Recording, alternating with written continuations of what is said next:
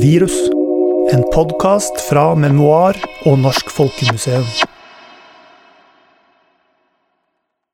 Køene våre vokste jo langt utover gatene, så vi måtte jo ha politihjelp til å stå og dirigere trafikken.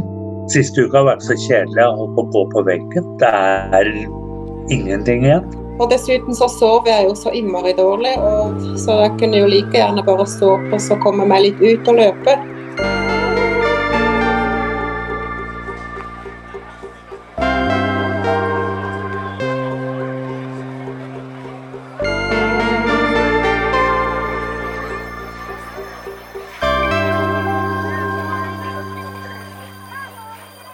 Det er ingenting igjen, sier Henrik.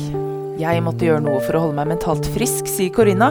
Og i enden av alle ryddeprosjektene så står Ronny og syns det er hensynsløst når folk kommer til gjenbruksstasjonen med de gamle tinga sine, og potensiell smitte, uten tanke på de som jobber der. I løpet av denne pandemien har behovet for å ha noe å gjøre, eller kanskje bare holde seg flytende, meldt seg hos mange. Folk har lært seg nye språk, lært seg å bake og male, eller strikket utallige gensere, og I denne episoden så skal vi få høre fra noen av de som har hatt behov for å finne et utløp for både frustrasjon og overskudd av tid gjennom ulike koronaprosjekter. Jeg heter Katrine Hasselberg, og sammen med Audun Kjus har vi laget podkasten du hører på nå, nemlig Virus. Audun, i denne episoden så skal altså vi få høre fra folk som har skapt sine egne koronaprosjekter under pandemien. Og det er jo nok en gang veldig mye kreativt som foregår der ute. Det er det.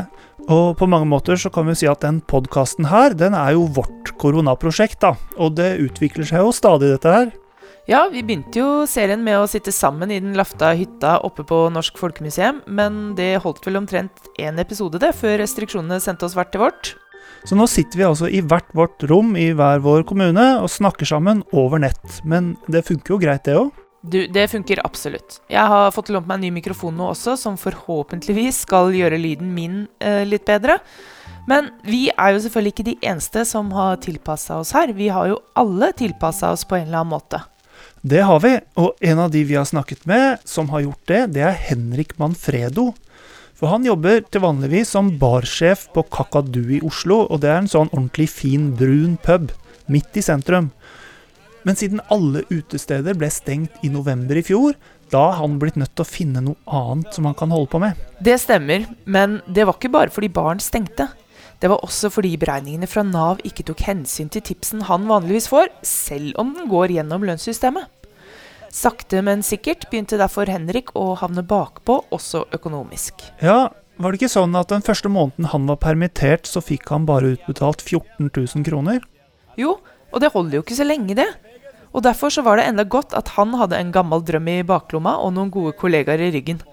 For Henrik hadde nemlig i lang tid sagt til folk at han hadde så mange historier fra bak baren at han kunne sikkert fylt en bok eller to.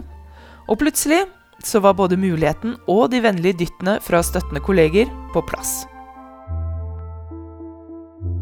To av de var hos meg, eh, både dagen vi stengte eh, og en uke etterpå. Uh, og de to sparka meg litt i ræva på at jeg skulle skrive en bok om det jeg har opplevd i mine til sammen 20 år uh, i den bransjen her. Uh, og sparka meg litt i, gang og sa ja, men nå gjør du det. Det er ikke vits i å utsette det nå. Nå setter du deg ned og så skriver du.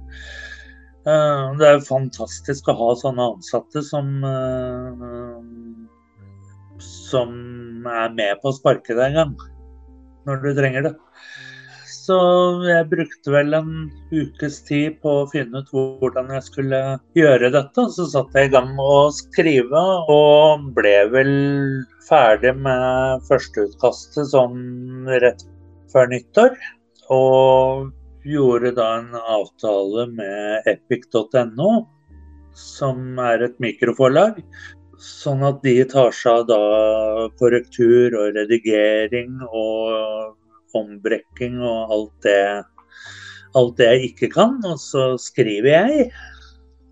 Hva er det det gir deg å gi ut den boka? For det første så har det gitt meg noe å gjøre i to måneder. Det har vel vært det viktigste. eh, siste uka nå hvor redigering er ferdig og, og ja, egentlig alt er ferdig. Er sendt inn eh, til et prøvetrykk av den osv. Siste uka har vært så kjedelig. Jeg holdt på å gå på veggen, for jeg har ikke hatt noe å gjøre. Jeg har Det er ingenting igjen. Eh, jeg er veldig glad for Veldig glad for at jeg lytta til jentene mine der og, og gjorde som de sa. Så, fordi eh, det har vel redda huet mitt, tenker jeg. Mm. Det å sitte med det prosjektet. Nå må vi åpne snart, for nå veit jeg ikke hva jeg skal gjøre. Ja, Boka til eh, Henrik den heter 'Halve livet bak barn', og den går an å kjøpe på epic.no. Og salget har jo også gått veldig bra, sier Henrik, for han har allerede solgt ca. 270 eksemplarer. Men han har altså fortsatt flere igjen. Ja, den der koronaboka, det er vel i grunnen et eget fenomen. Det er veldig mange som har tenkt at nå skulle de endelig få tid til å skrive den boka. Men så har det også vært veldig mye oppussing. Det har vært slektsgranskning, folk har fått seg nye kjæledyr, tatt opp igjen yoga, eller så har de bare funnet tid til å gjøre de der tingene som de interesserer seg for. I det hele tatt så er det tydelig at folk har hatt behov for å gjøre noe. Ja, absolutt. Eh, Jeg snakka jo også med en som heter Corina Røder. Hun eh, kommer opprinnelig fra Sveits, men hun har bodd i Norge så mange år at hun kommer ikke til å flytte igjen noen gang, antagelig. Men også hun fikk jo et akutt behov for å finne et nytt prosjekt. Ja, For det var vel Corina som mistet moren sin plutselig i januar i fjor. Ja, men i tillegg til det så skilte hun seg fra mannen sin, flytta inn i ny leilighet og begynte i ny jobb. Ja, Det var ganske mye. Ja, og alt dette skjedde rett før pandemien kom. Så hun har altså vært igjennom ganske heftige saker og beskrev tiden i fjor som ganske forferdelig, og med mye ensomhet involvert. Noe som satte i gang prosessen med å finne et prosjekt hun kunne ha bare for seg selv.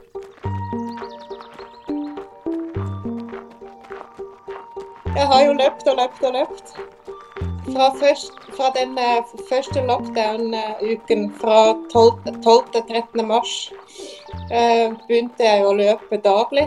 Jeg skjønte jo at jeg må finne på noe for å få litt struktur i min hverdag, fordi dette går ellers dårlig. Og da tenker jeg um, på min mentale helse, og jeg skjønte jo at jeg må ta litt grep. Um, fordi uh, ellers blir det fort veldig, veldig tungt for meg. Og dessuten så sover jeg jo så innmari dårlig og våknet grutidlig uansett. Så jeg kunne jo like gjerne bare stå opp og komme meg litt ut og løpe. Så da ble det en vane. Og så ja, har jeg ikke stoppa siden, egentlig. Så det er jo veldig positivt, da. Men det ga meg veldig mye um, overskudd. Vi hadde jo også veldig flaks med været. Det var jo vår, og det var lyse dager. Det var veldig mye fint vær. Um, så det å komme meg ut tidlig morgen og så løpe en runde, um, komme liksom i gang med noe positivt. Um, og så komme tilbake, spise frokost og så sette seg ned og jobbe. Det ga en struktur som var innmari viktig for meg også. Så løping og generell trening. Jeg har jo holdt på med alle disse gruppetimene på, på Facebook, streaming Så jeg har i hvert fall blitt veldig frisk og sterk i løpet av de, de uken ukene og måneder. Så det er jo positivt. Ja, det er veldig positivt. Det er kjempefint at du har klart det. Ja. Å ta et så positivt grep, da. Ja. Det kunne jo gått alle veier, holdt jeg på å si. Det kunne gått veldig mange andre veier òg, og jeg, bare, jeg kjente på at jeg må ta grep for å unngå det.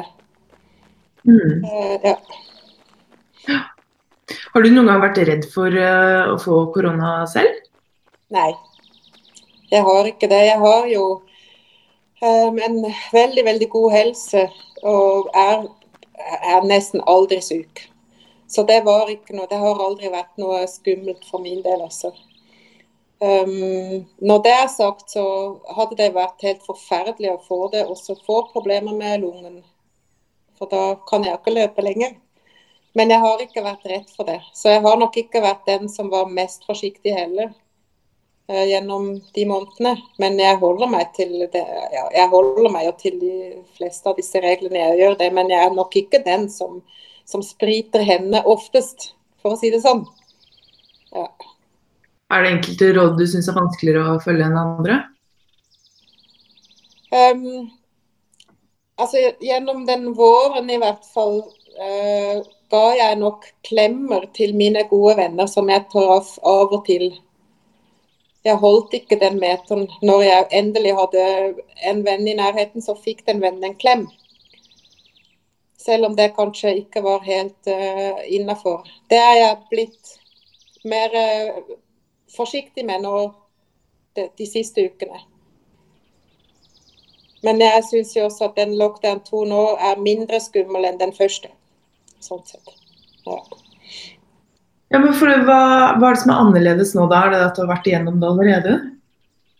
Ja, og jeg har det selv mye bedre. Ikke sant? Det er ting i livet mitt som har roet seg litt ned. Veldig mye som var veldig, veldig, veldig usikker og ikke avklart. Og veldig skrem, som jeg opplevde som veldig skremmende, de, de er ordnet nå. Min, min, situasjon altså Jeg bor i min egen leilighet nå, jeg har organisert meg, jeg har begynt i ny jobb osv. Så, så, så jeg føler meg jo mye tryggere der jeg er i livet mitt. Og da takler man kanskje en sånn lockdown bedre også. Ja, trygghet ja, det er jo viktig for alle mennesker, og særlig når bakken rives bort under deg, sånn som det som skjedde med Corina, da, med dødsfall, samlivsbrudd, flytting og ny jobb. Og det er jo mange som snakker om rydding, og det å skape rutiner for å løpe, det kan jo også være å rydde, da, både i hverdagen og så rydde i hodet samtidig. Ja, absolutt. Og jeg hørte med Corinna her om dagen om hvordan løpinga hennes gikk nå, og hun kunne fortelle at hun har løpt så mye som 2427 km siden 13.3 i fjor. Og det, Audun, det er faktisk omtrent hele Norge på langs. Det er imponerende langt. Ja, det er helt sjukt. Men du, hun Kari fra forrige episode, hun 82-åringen fra Bergen, snakka ikke hun med deg om prosjektene sine også? Ja, Kari ja, hun var jo veldig aktiv før pandemien kom. Med bokklubber, bokskriving, og da hun fikk så mye tid, så tenkte hun at nå skulle hun endelig få unna en del av det som hadde samlet seg opp. Ja, for hun hadde planer om å rydde opp i tingene sine, og så skulle hun skrive kapittel i en bok? Ja, det skulle hun, men så fikk hun seg en overraskelse. Energien ble borte, og alle de morsomme tingene som hun hadde tenkt å gjøre, de ble til et ork.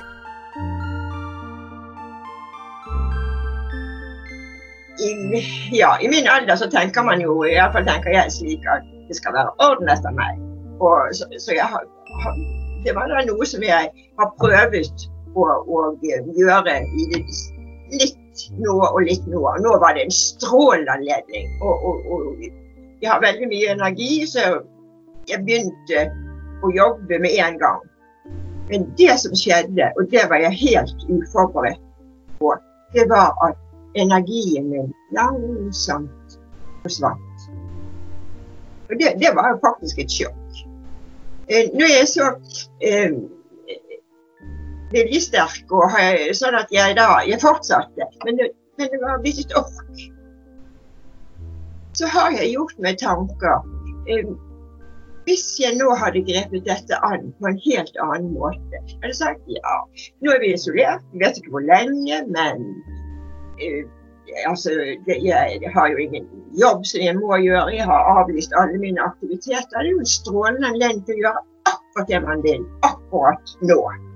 Ja, nå har jeg en spennende bok, jeg sitter og leser boken hele dagen, eller aviser, eller ser på en spennende altså, hvis jeg da ikke hadde fått det for meg at jeg må når perioden er over, så må jeg kunne vise til at jeg har utrettet noe. Hvis jeg hadde klart å legge det bort Jeg vet ikke om jeg hadde kommet ut av det på en annen måte da. Det holdt energien. Ja, For at du kanskje ga deg selv et litt sånn prestasjon? Ja, ja. Ja, ja, ja fordi at uh, uh, Ja, fordi at uh, jeg er resultatorientert. Så, men jeg vet jo ikke om jeg kunne ha klart det. Men det er mulig at det hadde At jeg da ville ha vært litt avslappet og for, for dagene gikk veldig fort. Det var ikke sånn at å, en dag Nei, å, dagen over. Ja. Det, det forsvant. Men da på en måte de gamle rutinene ble borte, og også de gamle prosjektene enten ble avlyst, eller så stoppa de liksom på mystisk vis. Kom det noen andre sånn nye prosjekter da, eller fant du noen nye rutiner? For det første så, så eh, bestemte vi oss med, eller bestemte på å eh, rutiner må vi ha. Ja, så rutiner hadde eh, de, de var eh, eh, Og de var jo egentlig ikke så eh, veldig endret. Eh, altså, ble, vi hadde lang frokost. eh, og det var jo en av høydepunktene eh, på dagen. Og så eh, gikk jeg på tur. Eh, tvang meg ut. Det var mye dårlig vær i denne per perioden. Og, og så var det lunsj. Mye avislesing. Eh, så det var jo mer altså, disse aktivitetene som dels skjer om formiddagen, og dels om, om kvelden, altså, de ble jo da erstattet med, med at man da var hjem, hjemme eller på tur. Eh, Men, men altså, rutiner hadde, hadde jeg hele tiden. Men eh, det var jo, hadde jeg da valgt en annen måte å leve på, så ville jeg jo ikke hatt eh, men, men jeg tror det har noe med ens personlighet. Jeg, jeg tror ikke jeg hadde klart det. Ja, Disse rutinene, Audun, de har jeg kjent på også. Fordi det er så mange tilbud som har forsvunnet, i hvert fall her hvor jeg bor. Og det har jo endra hverdagen min, det har endra rutinene mine, og ikke alltid til det bedre, faktisk. Nei, det er kanskje ikke bare gode ting som har kommet ut av disse koronaprosjektene. Det er nok flere som har satt seg litt hårete mål som så har vært vanskelig å nå. Og det kan jo føre til at man føler seg litt mislykket, da, selv om det vel kanskje ikke egentlig er noen grunn til det. Mm. Men, men husker du i begynnelsen av pandemien, de, alle de prosjektene som tok til da?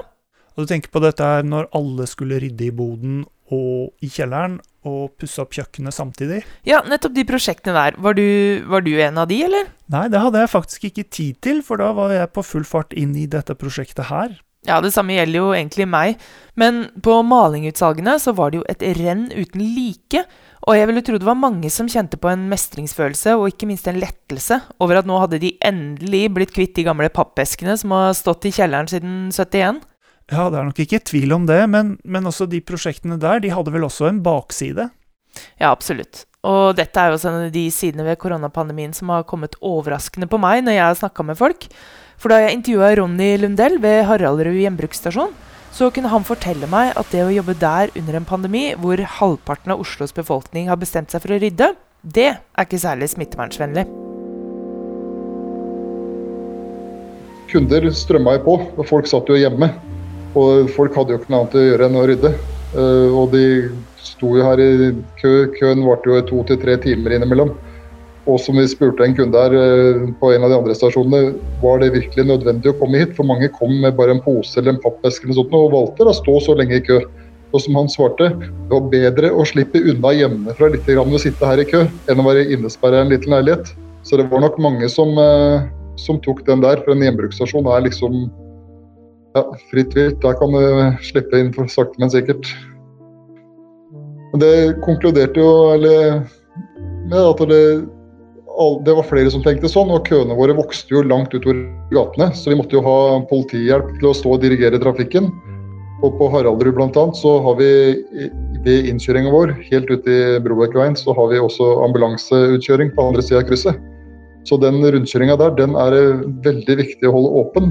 Eh, derfor måtte vi ha politiet, og i tillegg, som vi sier, vi var jo dobbelt mannskap på jobb. Og i tillegg så var de, de få eh, kontor, sier kontordamene som jobber her, de tok også på seg arbeidsantrekket og var med ut og dirigerte og informerte kunder i køen om at eh, dette tar tid, og, og det er bare å, å sitte rolig hvis du på død og liv må inn her. Noe man tydeligvis måtte, da. Uh, Det var ingen snudde av den grunn? Når du sa ifra om hvor lang tid det ville ta? Eh, I starten, eh, hvis jeg sier de første to ukene, så var det ingen som snudde. Det var kanskje en bil eller to som så at her, det her gidder jeg ikke. Men så fant vi ut eh, noe som vi tenkte var lurt. Vi tok litt tida på ting og, og satte ut et skilt sånn cirka når det var halvannen times ventetid ifra der i køen og inn.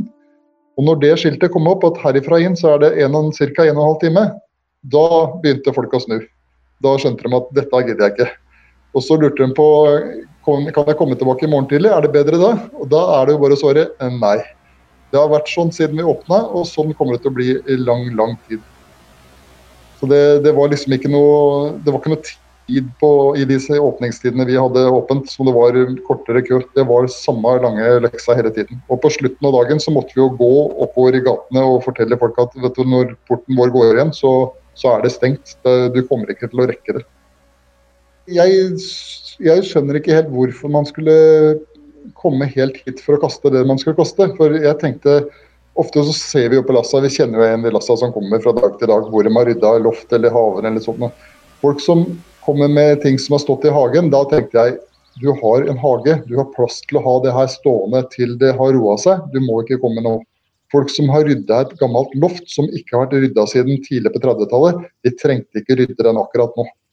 Så jeg var litt sånn hvor, Hvorfor på død og liv komme nå? Det, det, var rett og slett, tror jeg, fordi folk var hjemme i permisjon og hadde muligheten. Noe måtte de finne på. De fikk ikke lov til å bevege seg noen steder, men uh, her følte de at det var fritt fram. Vi syns jo det er litt hensynsløst. da. Eh, og de, fleste, de fleste kundene vil jeg si For det første så er det hensynsløst å gjøre det, tenker vi. Men de fleste kundene oppførte seg også og holdt avstand til oss og avstand til andre folk. Men, mens det igjen var de som på en måte omtrent kom opp i ansiktet på oss for å kjefte for at køen var lang. De skjønte ikke hvorfor vi ikke kunne slippe inn alt med en gang. Men eh, det er restriksjoner det er restriksjoner. Og som sagt, vi måtte også holde oss friske i forhold til at vi var beredskap for eventuelt å hente søppel. For de søppelbilene som går og henter husholdningsavfall hjemme hos folk, de er jo nesten enda viktigere for å få bukt med rotter og ting som er her eh, ute i byen.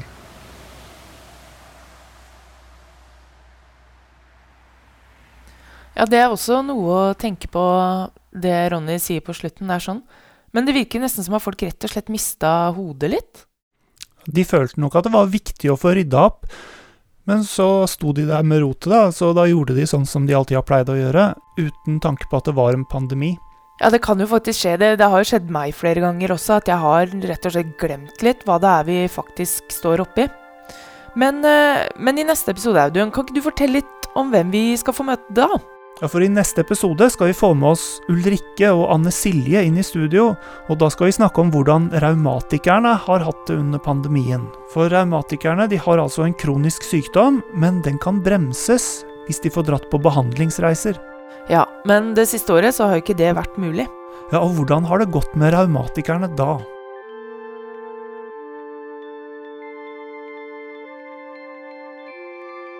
I alle år jeg har gått i arbeidet i 40 år, full stilling. Sånn jeg har, jeg har vært i arbeid til jeg ble pensjonist.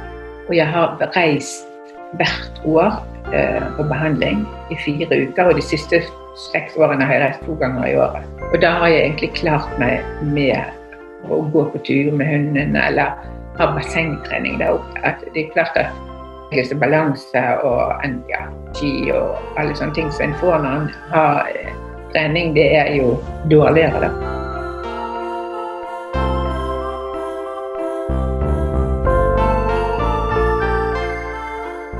Det var det vi hadde for denne gang, men i kampen med de store mediehusene så håper vi du kan anbefale oss til en venn eller to, og del gjerne en lenke eller gi oss en rating i podkastspilleren din hvis det er mulig. Og husk at hvis du vil høre mer fra intervjuene, så kan du gå inn på minner.no, hvor vi har samlet alle intervjuene som er brukt i hver episode, på en egen side. Og hvis du vil dele din egen historie, så er det bare å ta kontakt på samme sted. Musikken du har hørt gjennom hele episoden er spesialkomponert av Therese Aune, og hvis du vil høre mer av henne, så kan du finne henne både på Spotify og andre strømmetjenester, eller på thereseaune.com. Denne podkasten har vært eh, sponsa av Sparebankstiftelsen DNB, Fritt Ord og Bergesen-stiftelsen. Jeg heter Katrine Hasselberg. Min medprogramleder er Audun Kjus. Tusen hjertelig takk for at du hører på.